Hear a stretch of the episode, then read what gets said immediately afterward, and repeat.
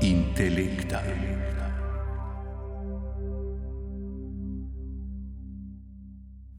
Lepo pozdravljeni. V zadnjih mesecih smo veliko krat opozarjali na to, da lansko šolsko leto tudi mladim ni bilo naklonjeno in je mnoge potisnilo v kot, v stisko ali v samo destruktivno vedenje. Na srečo se je šolsko leto 2021-2022 začelo s poukom v šolah, za katere vsi želimo in verjamemo, da bodo ostale odprte, ne glede na število novo okuženih s koronavirusom. Ali lahko torej zdaj, ko otroci in mladi hodijo v šole, ki vsaj za tiste najbolj ranljive predstavljajo močan varovalni dejavnik, duševne stiske otrok odmislimo, se je njihovo počutje izboljšalo, stiske izginile. Lahko na številke, ki govorijo o lanskem 50-odstotnem porastu števila sprejetih mladih z anoreksijo in po poskusu samomora le na Ljubljanski pediatrični kliniki, pozabimo. Ali pa boja s posledicami nenormalnega obdobja v življenju otrok in mladih še zdaleč ni konec. Tudi zato, ker duševno zdravje mladih že pred letom 2019 ni bilo takšno, kot bi si ga želeli. Smo v teh zadnjih mesecih že zamudili kakšno priložnost za hitrejše odzivanje na duševne potrebe potrebe najmlajših generacij državljanov. O tem bo torej tekla beseda v tokratni intelekti, moje goste pa so. Tjaša Bertoncel iz Zveze prijateljev mladine Slovenije, vodja tom telefona, telefona za otroke in mladostnike. Doktorica Melita Bokalič, specialistka otroške in mladostniške psihiatrije na oddelku službe za otroško psihiatrijo na pediatrični kliniki Univerzitetnega kliničnega centra Ljubljana. Doktorica Bernarda Dobnik Renko, klinična psihologinja iz Svetovalnega centra za otroke, mladostnike in starše Ljubljana. Ajda Rjavec, predsednica Združenja šolskih svetovalnih delavcev Slovenije in doktorica Jožica Mavčet Zakotnik, vodja programa Mira iz Nacionalnega inštituta za javno zdravje. Lepo pozdravljene.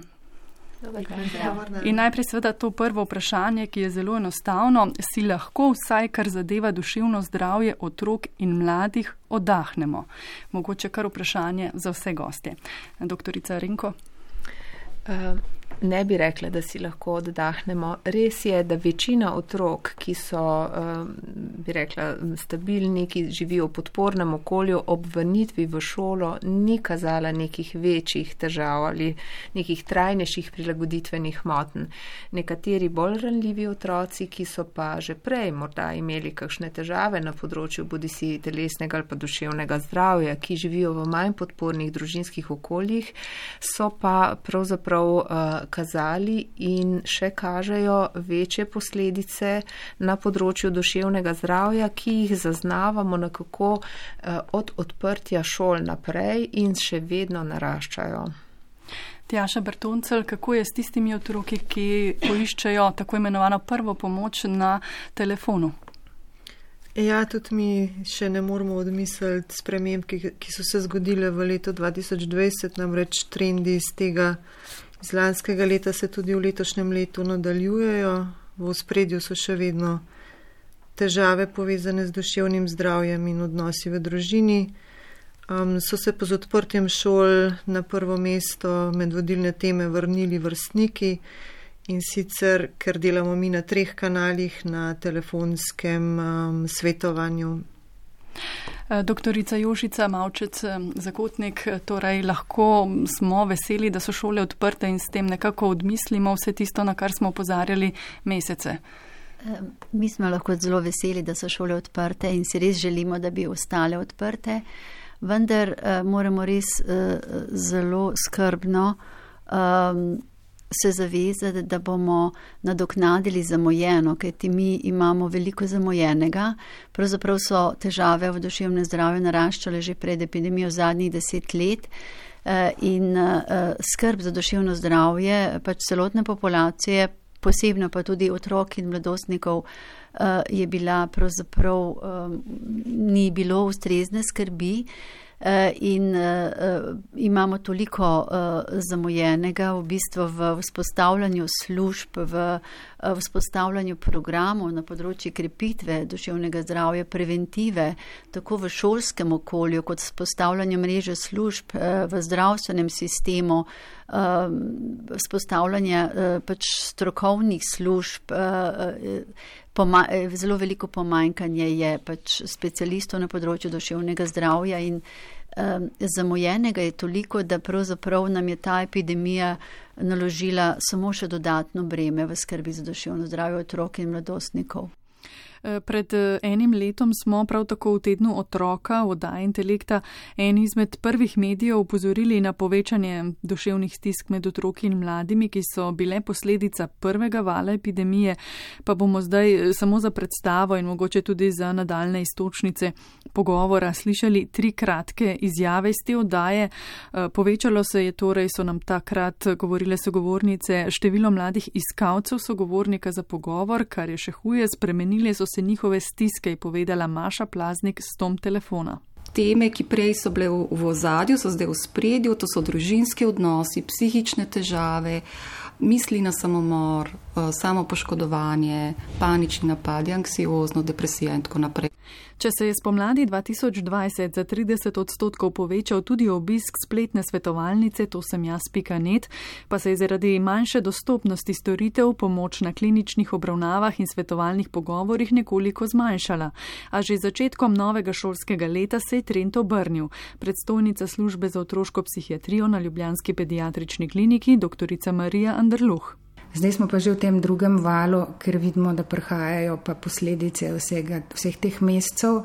Pri nas konkretno vidimo veliko več otrok s tesnobnimi motnjami, pa tudi več otrok, ki so reagirali v tem času z motnjami hranjenja, novo nastalih restriktivnih oblik anoreksij, pa tudi zelo mladih otrocih, več stresnih motenj. Um, mislim, da nas čaka zdaj pa malo tretji val oziroma se že kaže vračanje v šolo, stiske s tem. In še direktorica Svetovalnega centra za otroke, mladostnike in starše Ljubljana, doktorica Mateja Hudoklin. Zdaj v septembru opažamo ponovno porast popraševanja, skratka, mal nas skrbi, da se bodo zdaj zamikom pa začele v bistvu pojavljati večje popraševanje in tudi neke večje težave. To so bile kratke izjave iz Intelekte, ki je bila objavljena 6. oktober 2020. Kasneje smo v mediji veliko govorili o tem, da strokovnjaki opozarjate tudi na pomankanje postelj na kliničnih oddelkih za sprejem otrok in mladih z najhujšimi oblikami duševnih stisk in moten.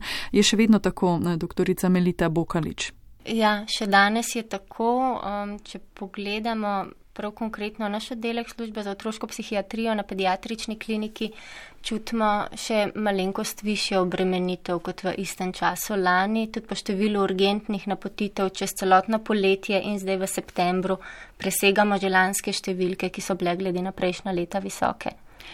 Še vedno iščete pomoč tudi na uh, oddelkih za odrasle, da dobite kakšno prosto posteljo za tiste otroke, ki res nujno potrebujejo bivanje v bolnišnici.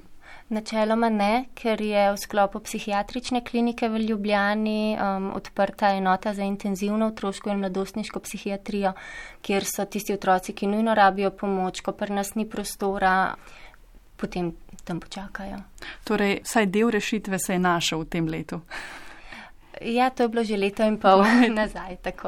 Ajda je rjavec v primerjavi z začetkom lanskega šolskega leta. Kakšne so razmere na področju duševnega zdravja? Boljše ali slabše? Ja, no, tako kot so že sogovornice povedale, um, se situacija na področju duševnega zdravja postopoma slabša zadnja leta. Uh, z epidemijo se je pa dodatno poslabšala, eh, tako da tudi v šolah opažamo, da je letošnji september nekoliko bolj naporen. Eh, ne samo, da kadri začenjamo bolj utrujeno, tudi pri otrocih daleč od tega, da bi stiske že izvenele, marsikatera razvojna težava ostaja, tudi upam si reči več konfliktov medvrstniških, več nekih komunikacijskih šumov. Um, skratka, je, bomo rekli, stane nekoliko slabše, kot je bilo prejšnje septembre. Um, in upamo, no, da bomo našli nek načrt za kompenzacijo, kot smo že odprli. Večkrat ponavljamo, da je šola varovalni dejavnik pri tistih otrocih, ki doma nimajo najbolj spodbudnega okolja, seveda pa je lahko tudi dejavnik tveganja. Ne? Maja, ko so se učenci začeli vračati v šolo po drugem zaprtju javnega življenja, ste klinični eh, psihologi upozarjali na to, da je lahko tudi vrnitev v šolo težavna, ne? da po, lahko povzroča stiske. Tukaj mislim predvsem obremenjeno z ocenami, pa ponovno uvajanje dnevne rutine in delovnega ritma, tudi na posledice pasivnosti in pretirane uporabe zaslonov med epidemijo. Doktorica Dobnik Renko, ali je na tem področju novo šolsko leto prineslo podobne iste težave ali so te že izvenele? Um, težave so podobne in se pri teh bolj ranljivih skupinah, ki jih obravnavamo specializirane strokovne službe, še stopnjujejo. Težko rečem za celotno populacijo, za katero to gotovo ne velja, ampak te bolj ranljivi otroci imajo recimo z tem novim šolskim letom uh, še več težav. Zlasti so to nekatere vrste težav, kot so naprimer razne vrste socialne anksioznosti, otroci recimo z um, hiperaktivnostjo, otroci z motnjami autističnega spektra, naprimer, tem otrokom je uh, bila š, uh, varianta šolanja nadaljavo nekako zelo ustrezna. Hkrati pa seveda v domačem okolju niso bili deležni dovolj dobre podpore in v tem času recimo pri tej skupini otrok opažamo izjemen porast tako imenovanega odklanjanja šole. Odklanjanje šole je problem, ki sicer v populaciji obstaja vedno, vendar pa na majhnem deležu otrok, en procent, morda dva. Zdaj se je pa delež teh otrok, ki odklanjajo šolo, dva do trikrat povečal. Tako da recimo že samo pri tej skupini je težav bistveno več. Otroci in mladi, ki pridejo eh, na pediatrično kliniko, imajo pa še hujše težave in drugačne. Ne? Um, na kaj bi vi upozorili, katere so tiste najbolj ranljive skupine, ki potrebujejo tudi bolnišnično obravnavo? Mhm. Najbolj ranljive skupine so že tako, kot je moja predhodnica omenila, ne, um, otroci z določenimi razvojno-nevrološkimi težavami, otroci iz um, domačega okolja, ki ni podporno ali oglašeno z otroci, ali kjer so tudi določene uh, duševne težave pri starših, otroci, ki nimajo podpore vrst, v vrstniški skupini, ki nimajo ustrezne socialne mreže in lahko potem pride do hudih čustvenih stisk posledično. Eh, pa je povečanje števila obravnav tudi v pediatrični kliniki posledica vedno večjih in hujših stisk. Je to mogoče tudi odgovor na to, da smo kot družba bolj nekako jih prepoznamo in nekako jih želimo reševati ali mogoče tudi tega, da prvi dostop do pomoči je bil v zadnjem letu in pol slabši kot sicer, vam pridajo tisti najhujši primeri. Mhm. Um, to je zdaj precej kompleksno vprašanje, zakaj vidimo toliko več primerov? En del je sigurno to, da je bilo zaprtje šol ob epidemijah, da je zmanjkal ta varovalni dejavnik. Drugi del pa mislim, da je tudi nasplošno v spreminjanju družbe. Otroci zelo hitro odraščajo, tukaj so velik problem socialna omrežja. Um, cel internet, ki jim je vedno na razpolago v roki z mobilnim telefonom in nekako prihajajo v stik z vsebinami, ki jim niso kos. In potem je pa tukaj še en dejavnik, ki je pa v bistvu, ne glede na to, kako govorimo, da eh, so problem čakalne dobe, da je pomoči premalo, se mi zdi, da dajemo vseeno na splošno večjo težo duševnim stiskam, kot pa recimo pred desetimi leti, pred dvajsetimi leti, da bolj opazimo otroke, ki so v stiskah in da v resnici, če bi delali to primerjavo, otroci um, s težavami vsem pridajo prej do te pomoči oziroma šolska svetovalna služba prej opazi, da se nekaj dogaja, otroke na poti. Tako da verjetno nek um, razlog za porast napotitev je tudi v tem, da so te otroci zdaj videni. Bernarda Dobne Krenko, vi ste želeli nekaj dodati? Dodala še to temu, kar je rekla predhodnica, da so tudi starši vseeno bistveno bolj poučeni, da bolje razumejo otrokove potrebe, da so bolj pozorni na kakšne morebitne spremembe in tako v povprečju starši tudi prej iščejo strokovno pomoč. Konec koncev tudi iskanje pomoči na področju duševnega zdravja ni več tako tabuizirano, kot je bilo pred leti in tudi zato se večje število staršev prej obrača po pomoč. Žal pa opažamo, da so to neredko starši, kjer imajo otroci vendarle blažje težave in da pri takšnih, kjer imajo pa otroci izjemno hude težave, je pa pot do družine in do staršev neredko kar težka.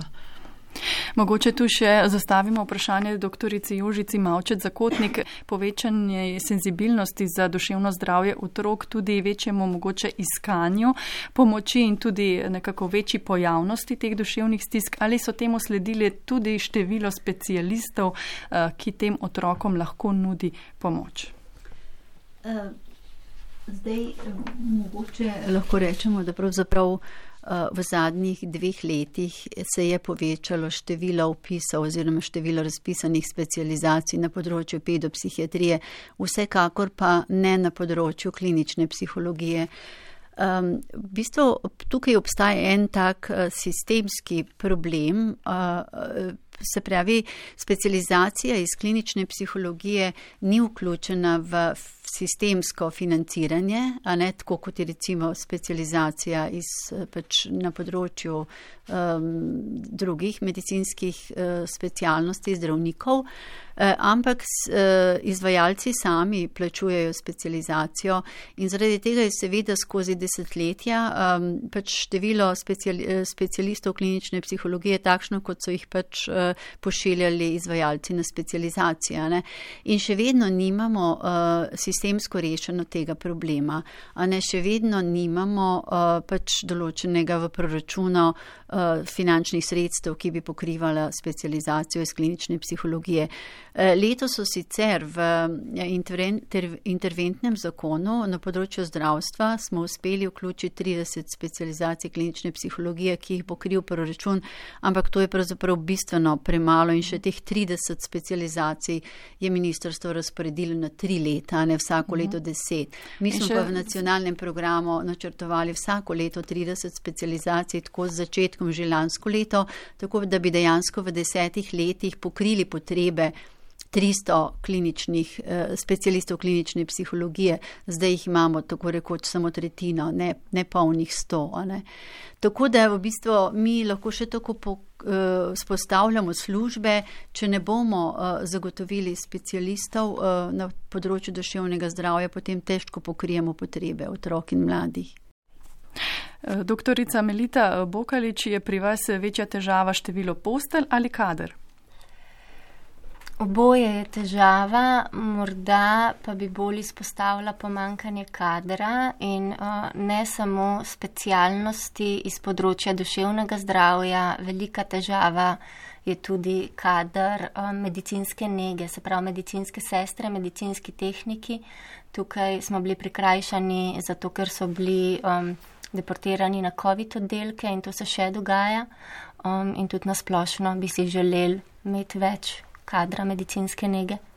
E, Tjaša Bertoncel, kako je s tistimi, ki lahko otrokom pomagajo, če pokličejo na telefon ali pišejo na svetovalnico? Ste zaznali v zadnjem letu dveh, da jih potrebujete več? Ste lahko pokrili vse potrebe? Um, potrebe smo lahko pokrili s svetovalci prostovoljci našimi, ker um, jih trenutno svetujejo okrog 130 in to je dovolj za vse otroke, ki kličejo k nam. Vendar uh, strokovna služba tom telefona potreb, je tista, ki potrebuje ukrepitev, vse so se vsebine, um, s katerimi se srečujemo, zelo spremenile in, so, in potreb, potrebujemo nova znanja in um, nove usmeritve in tudi količina dela se je močno povečala. Tako da, ja, vsekakor bi potrebovali dodatno ukrepitev, da bi lahko odgovorili na te spremembe, ki so se na tom telefonu zgodile. Najbrž podobno velja tudi za šolske svetovalne službe. Dodatna izobraževanja bi najbrž prav prišla, nekaj jih je najbrž sicer bilo, ampak od eh, društva šolskih svetovalnih delavcev smo že večkrat slišali, da v bistvu je kar nekaj vaših kolegov že kar izmučenih, da je delo zahtevno, predvsem pa, da se utapljate tudi v takih delih, ki bi jih lahko mogoče na šoli naredil kdo drug in bi imeli več časa prav za svetovanje in pogovor z mladimi. Vloga svetovalne službe ne, bi morala biti bolj ukrepljena, po vašem mnenju. Ajda, ja, ja, v resnici, če bi šolska svetovalna služba lahko služila svojemu poslanstvu, namenu, kako je bila zamišljena, verjetno tudi uh, takšne preobremenitve v zdravstvu, o kateri smo zdaj poslušali, ne bi imeli in bilo, bilo marsikaj rešeno na prvem nivoju, brez pravzaprav potrebe potem, da otroci uh, obiskujejo v bom rekla, v takšnem obsegu specialiste klinične psihologije, psihiatrije in podobno. Ne. Je pa res, da v šolskih svetovalnih službah se normativi um, praktično niso spreminjali še iz prejšnje države. Ne, vse rešitve uh, za spremembe v šolstvu, za povečano problematiko uh, so bile nekako doštukane, če se po domače izrazim, z nekimi drugimi sistemi, uh, ne pa z neko celostno prenovo te ideje, ne, da bi res otroci, ot, otroci, mladostniki in seveda tudi starši imeli nekoga v šoli, na katerega se lahko obrnejo, kadar imajo manjše države. Um, tako da svetovalni delavci že nekaj let odpiramo uh, vprašanje naših normativov kot rečeno, um, se niso spremenili že skoraj 50 let uh, in v tem smislu si zelo želimo, da bi bila večja količina. Uh, manj strokovno sposobljenega kadra, verjamemo, da je to zagotovo tudi uh, eden od načinov reševanja, si upam reči, krize duševnega zdravja v državi, eh, da pravzaprav pojačamo količino ljudi, ki so na voljo za razbremenilne pogovore, ne samo za otroke, eh, mladostnike, tudi za strokovne kadre v šolstvu in da pravzaprav na nek tak eh, zdrav temelj nove normalnosti postavimo medsebojno komunikacijo oziroma da poskusimo nekje dvigant eh, kulturo komunikacije in skrbi drug za drugega na tem čist osnovnem nivoju, preden temu rečemo zdravstvena medicinska težava.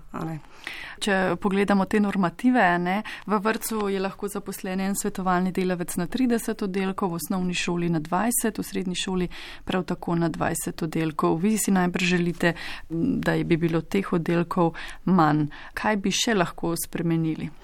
Ja, poleg tega, da bi eh, potrebovali nekoliko drugačno razmerje med številom svetovalcev in um, dijakov oziroma otrok, uh, s katerimi se ukvarjamo, seveda tudi mi potrebujemo dodatna znanja. Ne. Svet se je spremenil, s tehnologijo grejo stvari naprej, kot smo že prej slišali, internet je zelo predrugačil odraščanje in v tem smislu se seveda moramo tudi v šolah ukrepiti. In zdaj svetovani delavci smo tudi tisti, ki lahko pomagamo ukrepiti ostale kadre in delujemo kot glavni mehanizem posamezne šole, vrtce za soočanje ostalih strokovnih kadrov s premembami v okolju in okolici. Um, tako da zagotovo potrebujemo tudi mi dodatno znanja in pa tiste osnovne sisteme strokovnega razvoja in usposabljanja, ki pa so sicer v zdravstvu in sociali že poznani. Se pravi, supervizija, intervizija, to, da strokovni delavci ne delujemo sami kot neki osamljeni otočki na posamezni šoli, temveč da se lahko drug od drugega učimo, srečujemo pričakujemo. No in tukaj pa mogoče, um, bom rekla, je en tak optimističen dodatek preteklega leta. No, se mi zdi, da s tem videokonferenčnim sistemom, kjer pa se lahko povezujemo uh, osamelci iz različnih šol, tudi nadaljavo, tudi ob enih popovdne sredi delovnika, uh, no, da pa mogoče tukaj se odpirajo neke nove možnosti in priložnosti. Doktorica Jožica Mavčet Zakotnik, ali smo vsaj na tem bolj šolskem področju že zamudili tisti vlak, ki bi lahko um, nekako nas hitreje pripeljal do uh, ene pomoči uh, mladim v stiski. Ne vemo, omenili smo nekaj stvari na področju zdravja, se je spremenilo v tem zadnjem letu. Tukaj so, je nekako povečana mreža teh centrov za duševno zdravje, omenili smo specializacije za klinično psihologijo, pa dnevne ambulante. Uh, se pravi, nekaj se je dogajalo, ne, čeprav do specializacij bo treba še počakati in kar nekaj let, ne, ampak vseeno. Kaj pa na področju šolstva, o tem, kar je ravno kar govorila gospa Rjavec? To, kar je uh, povedala Ajda, uh, so naše sanje oziroma naša vizija in če bi se nam to zdaj z akcijskim načrtom za naslednje triletno obdobje uresničilo, bi bilo, bi bilo zelo veseli oziroma srečni, zato ker to je pravzaprav temelj uh, duševnega zdravja, poleg seveda ustreznega okolja v družini. Eh, je, eh, so vrtci, šole, eh, so pravzaprav tisto okolje, ki lahko nudi otrokom zelo veliko podporo, posebno, kot je bilo že danes povedalo, tudi najbolj ranljivim. V smislu podpore v čustvenem, socialnem dozorevanju, z ustrezno uh, svetovalno službo, seveda zaznavanje eh, in pa tudi prvo pomoč pri teh najbolj zgodnjih in lažjih težavah, oziroma če so težave hujše, pravočasno usmerjanje eh, v druge službe, socialno službo ali zdravstveno službo. Tako da to je pravzaprav tisto, kar si želimo. Seveda smo zamudili, zamudili smo veliko, kajti. Eh, če bi mi imeli, seveda v prejšnjem desetletju, eh, se pravi, ustrezne eh, mrežo šolske svetovalne službe z večjimi kapacitetami, če bi imeli pravzaprav neke programe tudi izobraževanja, usposabljanja, ne samo šolske svetovalne službe, tudi učiteljev, recimo razrednikov, um, programe, ki krepijo uh, dozorevanje mladih uh, in dajo ustrezno, ustrezne veščine na področju duševnega zdravja, seveda bi se otroci mladi lažje soočali z izzivi sodobnega sveta oziroma sodobne družbe in funkcioniranja, hkrati bi tudi lažje uh, pravzaprav svoje težave obvladovali, ki se pojavijo. Tako da mi v šolah pravzaprav potrebujemo na eni strani seveda zadostne kapacitete strokovnih delavcev, ustrezno izobraževanje strokovnega kadra in pa ustrezne programe, ki pravzaprav spostavljajo podporno okolje za neko celostno dobrobit otrok in mladih v šolah. In to je tisto, kar smo mi zelo smelo uh, zapisali v akcijski načrt in še vedno zelo ustrajno se za to borimo in uh, mislim, da bi morali to ubraniti, čeprav uh, pravega, čisto pravega razumevanja na tem sektorju za to še nimamo, ampak upamo, da bomo pravzaprav to dosegli, ker če ne, a ne, zamudimo pač tisti temelj, a ne, in potem, če bomo mi imeli še toliko specialistov, pedopsihiatrov, kliničnih psihologov, ne vem, specialnih pedagogov. Mi pravzaprav uh, zamudimo v bistvu to naravno okolje, naravno podporo in mi si ne želimo psihiatrizacije, a ne uh, duševnega zdravja otrok in ali mladih. pa mladih, ne, na antidepresivih. Ampak rabimo neko stopensko obravnavo, se pravi v šolah, v pač zdravstvene oziroma tudi v lokalnih okoljih, a ne tudi lokalna mhm. skupnost bi morala imeti ustrezne programe uh, in večjo podporo o dobrobiti otrok, posebno teh najbolj renljivih, ne, ki si ne morejo privoščiti vsega, kar si lahko drugi. Bernarda Dobnik Renko, kaj je torej v zadnjih mesecih ali pa bom rekla raje letih torej umankalo, da smo zdaj tam, kjer smo? Ne? Stopnjevanje težav na področju duševnega zdravja je dlje časa trajajoč proces in se kaže že zadnja desetletja z uh, stalnim povečevanjem števila težav, delno na račun tega, da te težave, kot smo že rekli, lažje in bolje prepoznavajo tako starši kot tudi strokovni delavci v šolah, kot tudi pač stroka. Uh, na drugi strani je pa res, ne, da se dogajajo tudi neke družbene spremembe, ki pravzaprav dodatno doprinašajo k tej, eh, k tem težavam na tem področju. Recimo eh, opažamo, da je cela generacija teh otrok nekako prezaščitenih, da je teh frustracij, ki bi bile potrebne, take koristne za to, da bi otroci razvijali neko socialno zrelost, da bi imeli boljše prilagoditvene sposobnosti, da bi se znali spopadati z nekimi manjšimi težavami, na katere naletijo, da je recimo teh frustracij izjemno malo v zadnjih letih. In to to že samo po sebi povzroči, da so te otroci in mladostniki sedanjih generacij slabše upremljeni za prenašanje različnih vrst frustracij. Na drugi strani recimo imamo problem odvisnosti od teh digitalnih tehnologij, a ne, so, eh, ki, kar se je stopnjevalo v času šolanja nadaljavo. Na tretji strani so bolj obremenjeni starši, ki imajo lahko tudi svoje eh, strese, svoje obremenitve, veča se število ločitev družin družinah, ne, konflikti v družinskem okolju, tudi revščina, konec koncev, kar je vse dodatno breme za odraščajočega otroka, tako da bi rekla, širše družbene spremembe doprinašajo k temu, da se, se to duševno zdravje pravzaprav slabša oziroma da se večajo potrebe po obravnavi le tega. Bi pa rada dodala, da nikoli ne bomo imeli dovolj eh, visoko specializiranih strokovnih služb, da bi pokrili vse te potrebe in da je tako, kot so rekle že predhodnice, nujno, da bi družba v celoti zastavila en sistemski pristop k varovanju duševnega zdravja, kar pomeni, rekla, v najširšem smislu zagotavljanje nekih okoliščin, ugodnih okoliščin za razvoj otrok o, o recimo tem, da, da imajo otroci neko psihosocialno kakovostno življenje, da so starši usposobljeni s temi starševskimi veščinami, kako rešvati probleme, da imajo možnost v primeru težav se vključevati v neke oblike pomoči zase.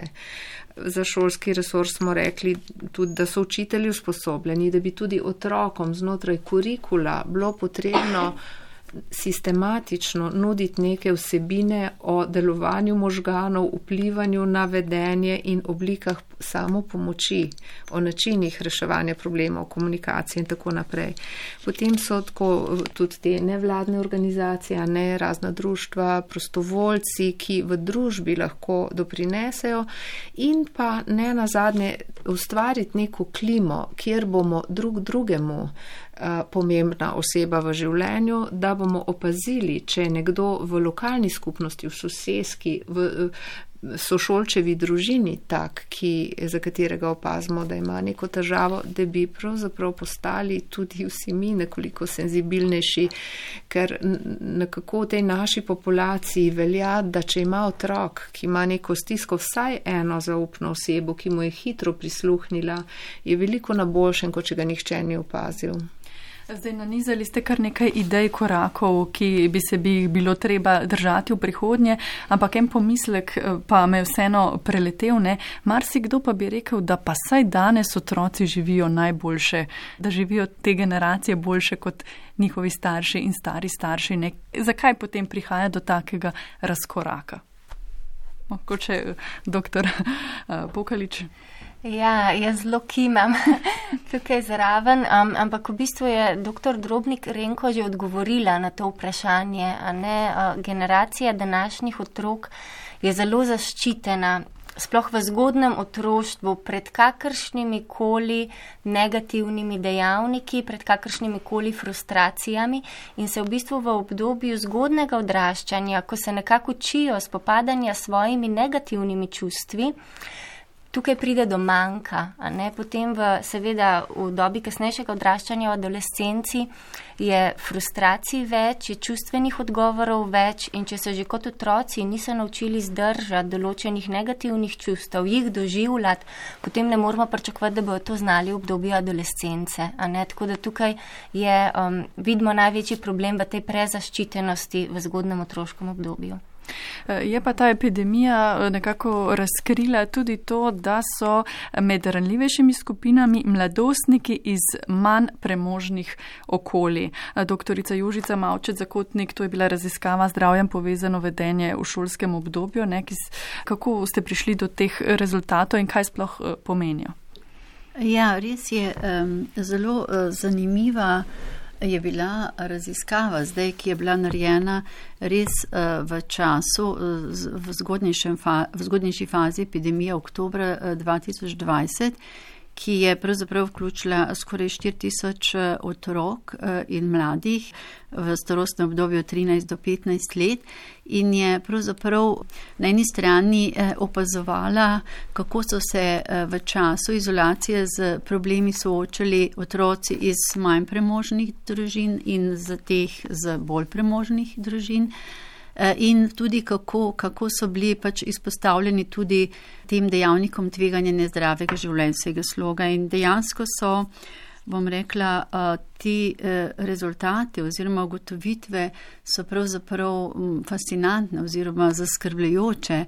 Dejansko, recimo, pri, če, če pogledamo nekatere teh kriterijev oziroma elementov, ki so bili opazovani, pravzaprav prihaja do več kot 100% razlik, recimo Eh, kako so imeli pravzaprav podporo bodi si z različnimi eh, pogoji, recimo, da so imeli prostor za učenje oziroma da so imeli na razpolago računalnike ali da so imeli podporo staršev eh, ali pa recimo nekoga bližnjega, ki bi jih podpiral v teh izzivih šole nadaljavo, kaže res dejansko recimo težavno soočanje s problemi ali pa podpore, niso imeli otroci z nižjih eh, družin oziroma z nižje stoječih družin 50% napram recimo tistih z boljšim blagostanjem eh, družin 14%.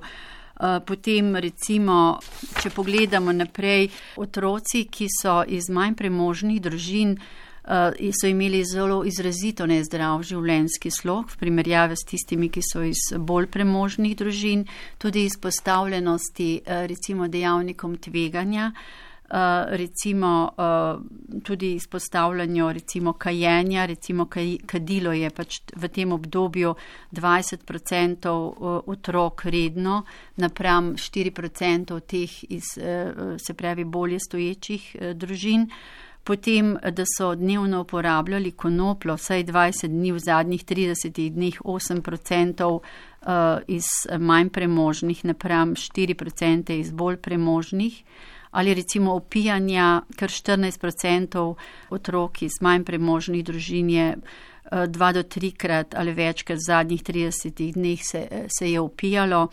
Tudi recimo zadovoljstvo z življenjem, eh, manj premožni, so bili recimo v 50% zadovoljni, napram 93% iz bolj premožnih in tako naprej. Skratka, podatki kažejo eh, res, uh, da dejansko ti otroci iz manj premožnih družin nimajo ustrezne podpore, nimajo ustreznih pogojev tudi za recimo to vrstno šolanje nadaljavo ali za pogovore ali za podporo v, v samem učnem procesu. Recimo zelo fascinantno je to, da so poročali, da se je uh, skoraj v 80% socialni položaj teh družin, ki so že tako ali tako slabo stoječe, poslabšal. Ali zdaj ta čas. akcijski načrt nacionalnega programa duševnega zdravja za obdobje od 2021 do 2023 odgovarja na ta vprašanja? Bo odgovarjal? Zdaj, konkretno, uh, seveda, uh, kar, kar je zelo pomembno, je to, da si mi prizadevamo, da so šole, vrci, da ostanejo odprti oziroma da je dostopnost do pravzaprav procesa šolanja uh, pač tako, kot imamo v navadi, da se pravi, da otroci hodijo v šole, v vrce. Kajti uh, šola, vrci, to so zaščitno, naravno zaščitno okolje za otroke in mlade. In to je pravzaprav prvi pogoj. Uh, drugače pa je zelo pomembno, ne, da. Um, se zavedamo teh neenakosti v uh, zdravju, v duševnem zdravju in v pogojih, v determinantah za dobro duševno zdravje in da v okoljih, uh, ki pravzaprav uh, se otroci nahajajo, se pravi, zdaj, če vzamemo uh, vrtce šole, da se pravi, da je strokovni kader v tem uh, usposobljen, uh, izobražen, se pravi, da da večjo, večji poudarek uh, tem skupinam otrok in mladih, seveda brez diskriminacije, ne, da se pravi, če se pojavljajo več težav, da so tudi pravzaprav jim na razpolago tem otrokom. Po drugi strani pa tudi, se pravi, socialna služba oziroma ministrstvo za družino in za socialo preko tega uh, akcijskega načrta vzpostavlja določene programe in ukrepe, ki naj bi tudi bolj ranljivim družinam nudila usmerjeno pomoč, uh, se pravi na domu tudi, a ne v že v zgodnjem otroštvo, pa tudi pravzaprav v okviru zdravstvenega sektorja se vzpostavljajo programi, ki bi pravzaprav zgodaj zaznavali dejavnike tveganja teh najbolj ranljivih družin, se pravi že takoj po porodu in z nekimi intervencijami na domu z, v najbolj zgodnjem obdobju, se pravi do treh let, ko res lahko mi spreminjamo um, pogoje, pravzaprav te veščine staršev tudi, da ustrezno ravnajo z otrokom, se pravi, da se izognemo čim bolj tem dejavnikom tveganja za slabo duševno zdravje. Se pravi, te zgodnje intervencije so izjemno pomembne v prvih treh letih in ti programi so zastavljeni v akcijskem načrtu, tako v eh, šolskem sektorju, v socialnem in v zdravstvenem, seveda, če se bodo izvali, je pa druga stvar. Upamo, no, upamo se da se bodo ja. in ne samo do leta 2023, ja, ne, doktorica Bokalič.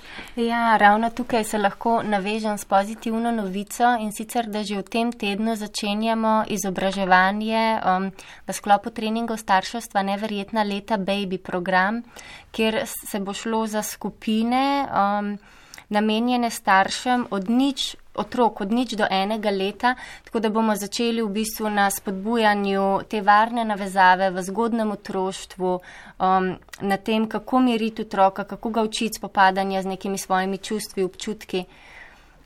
Ker je zelo pomembno, ne, da uh, takoj opazimo in takoj v bistvu uh, že um, nekako detektiramo tista okolja, kjer bi lahko prišlo do težav. Polovica duševnih motenj se začne do 14. leta starosti, potem kar tri četrtine do 24. 25. leta. Ne, tako da uh, doktorica Bernarda Dobnik Renko je kar pomembno, ne, da smo res na tem področju pozorni že v bistvu od vsega začetka. Ne. Kaj bi morali, da se ne bi zdaj mi čez eno leto ponovno pogovarjali, kako je bilo bilo lani, kako je letos, kako začeti, kaj ne smemo v tem letu česa zamuditi.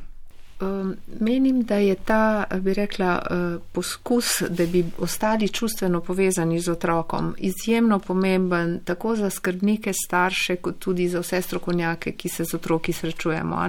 Od tega spostavljanja te zgodne navezanosti, ne, kjer že uh, v prvem letu lahko pride do nekih resnih primankljajev, do potem mladostniškega obdobja, kjer starši včasih ob odraščajočem otroku, ki seveda išče svojo pot, ki se v samosvaja, ki se postopoma oddaljuje od njih, kar prevečkrat pozabijo na to, da bi vseeno otroka povprašali tudi potem, kako je, kako se počuti, ne samo potem, kako je bilo v šoli, kakšne ocene je dobil. Torej, ta skrb za čustveno počutje mladih eh, se mi zdi, da je na vseh nivojih in vseh starostih, seveda vsaki starosti nekoliko drugače, tista, ki bi bila brezplačna in ki bi lahko nekaj prinesla prinesla um, brez tudi nekih večjih sistemskih sprememb, ki si jih pa sicer želimo. Doktorica Južica Močet Zakotnik. Ja, jaz bi rada povdarila, da seveda uh, se pravi teh idealnih kapacitet, ki si jih vsi želimo, tako v zdravstvenem, šolskem, socialnem sektorju, sigurno drugo leto ne bomo še imeli, ampak kar, kar gradimo v zadnjem letu in kar upam, da bomo še izboljšali, pa je sodelovanje med službami, eh, med socialno, šolsko, zdravstveno službo in to že seveda takoj na primarni ravni. Eh, sodelovanje med šolsko svetovalno službo in, in pri zdravstvenim domom, pediatri, eh, novo vzpostavljenimi centri za duševno zdravje in seveda z vključevanjem socialne službe tam, kjer je potrebno.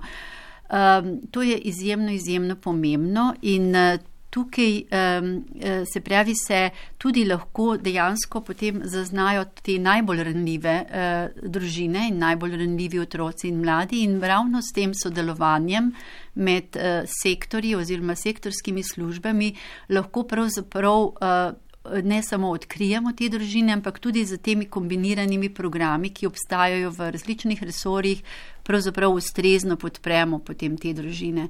In zaradi tega smo tudi pravzaprav um, želimo prav protokole narediti in jih seveda potem v prakso prinesti, se pravi tako v horizontalo kot tudi vertikalo. Ne. Nekaj rezerve, če se zdaj malo grdo izrazim, ne, torej tukaj v sodelovanju medresorskem kot tudi med različnimi ustanovami.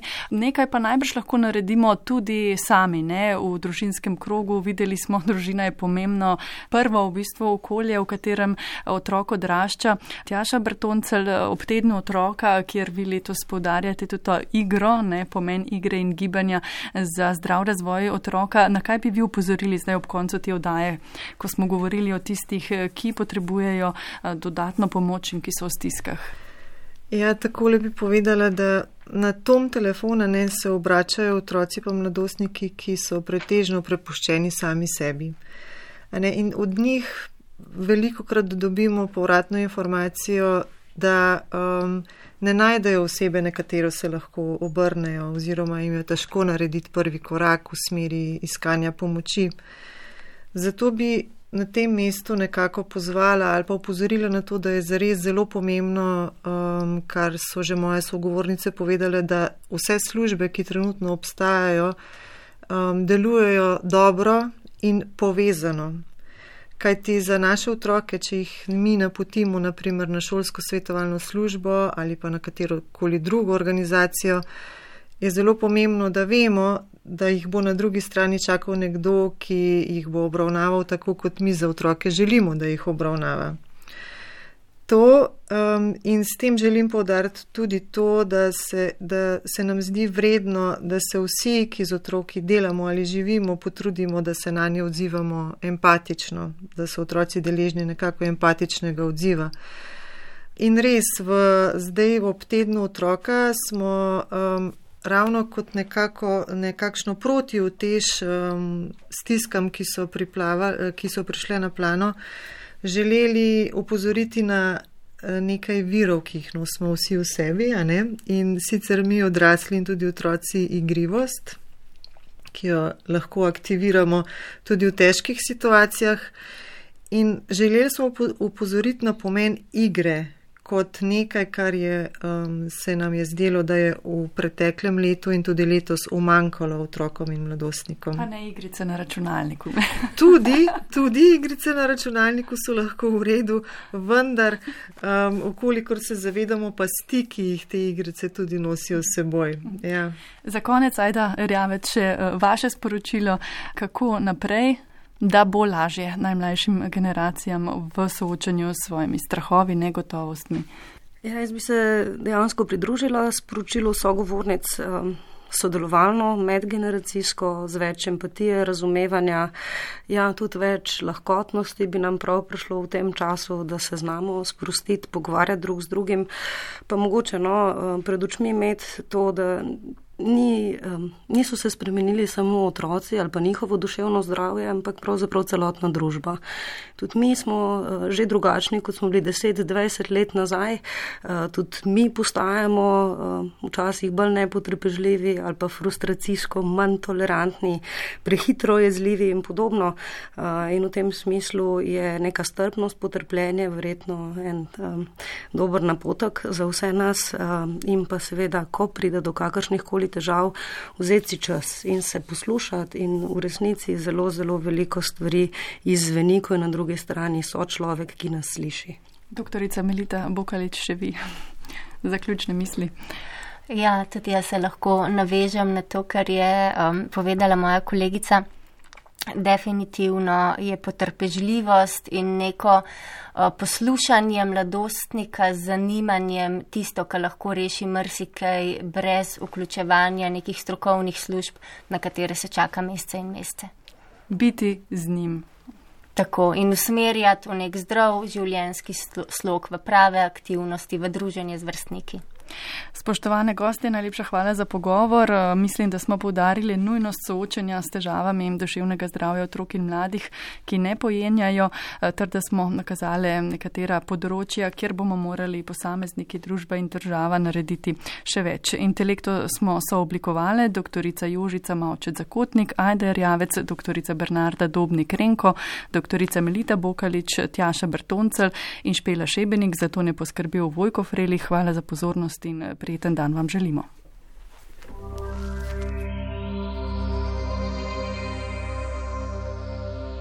Intelekta.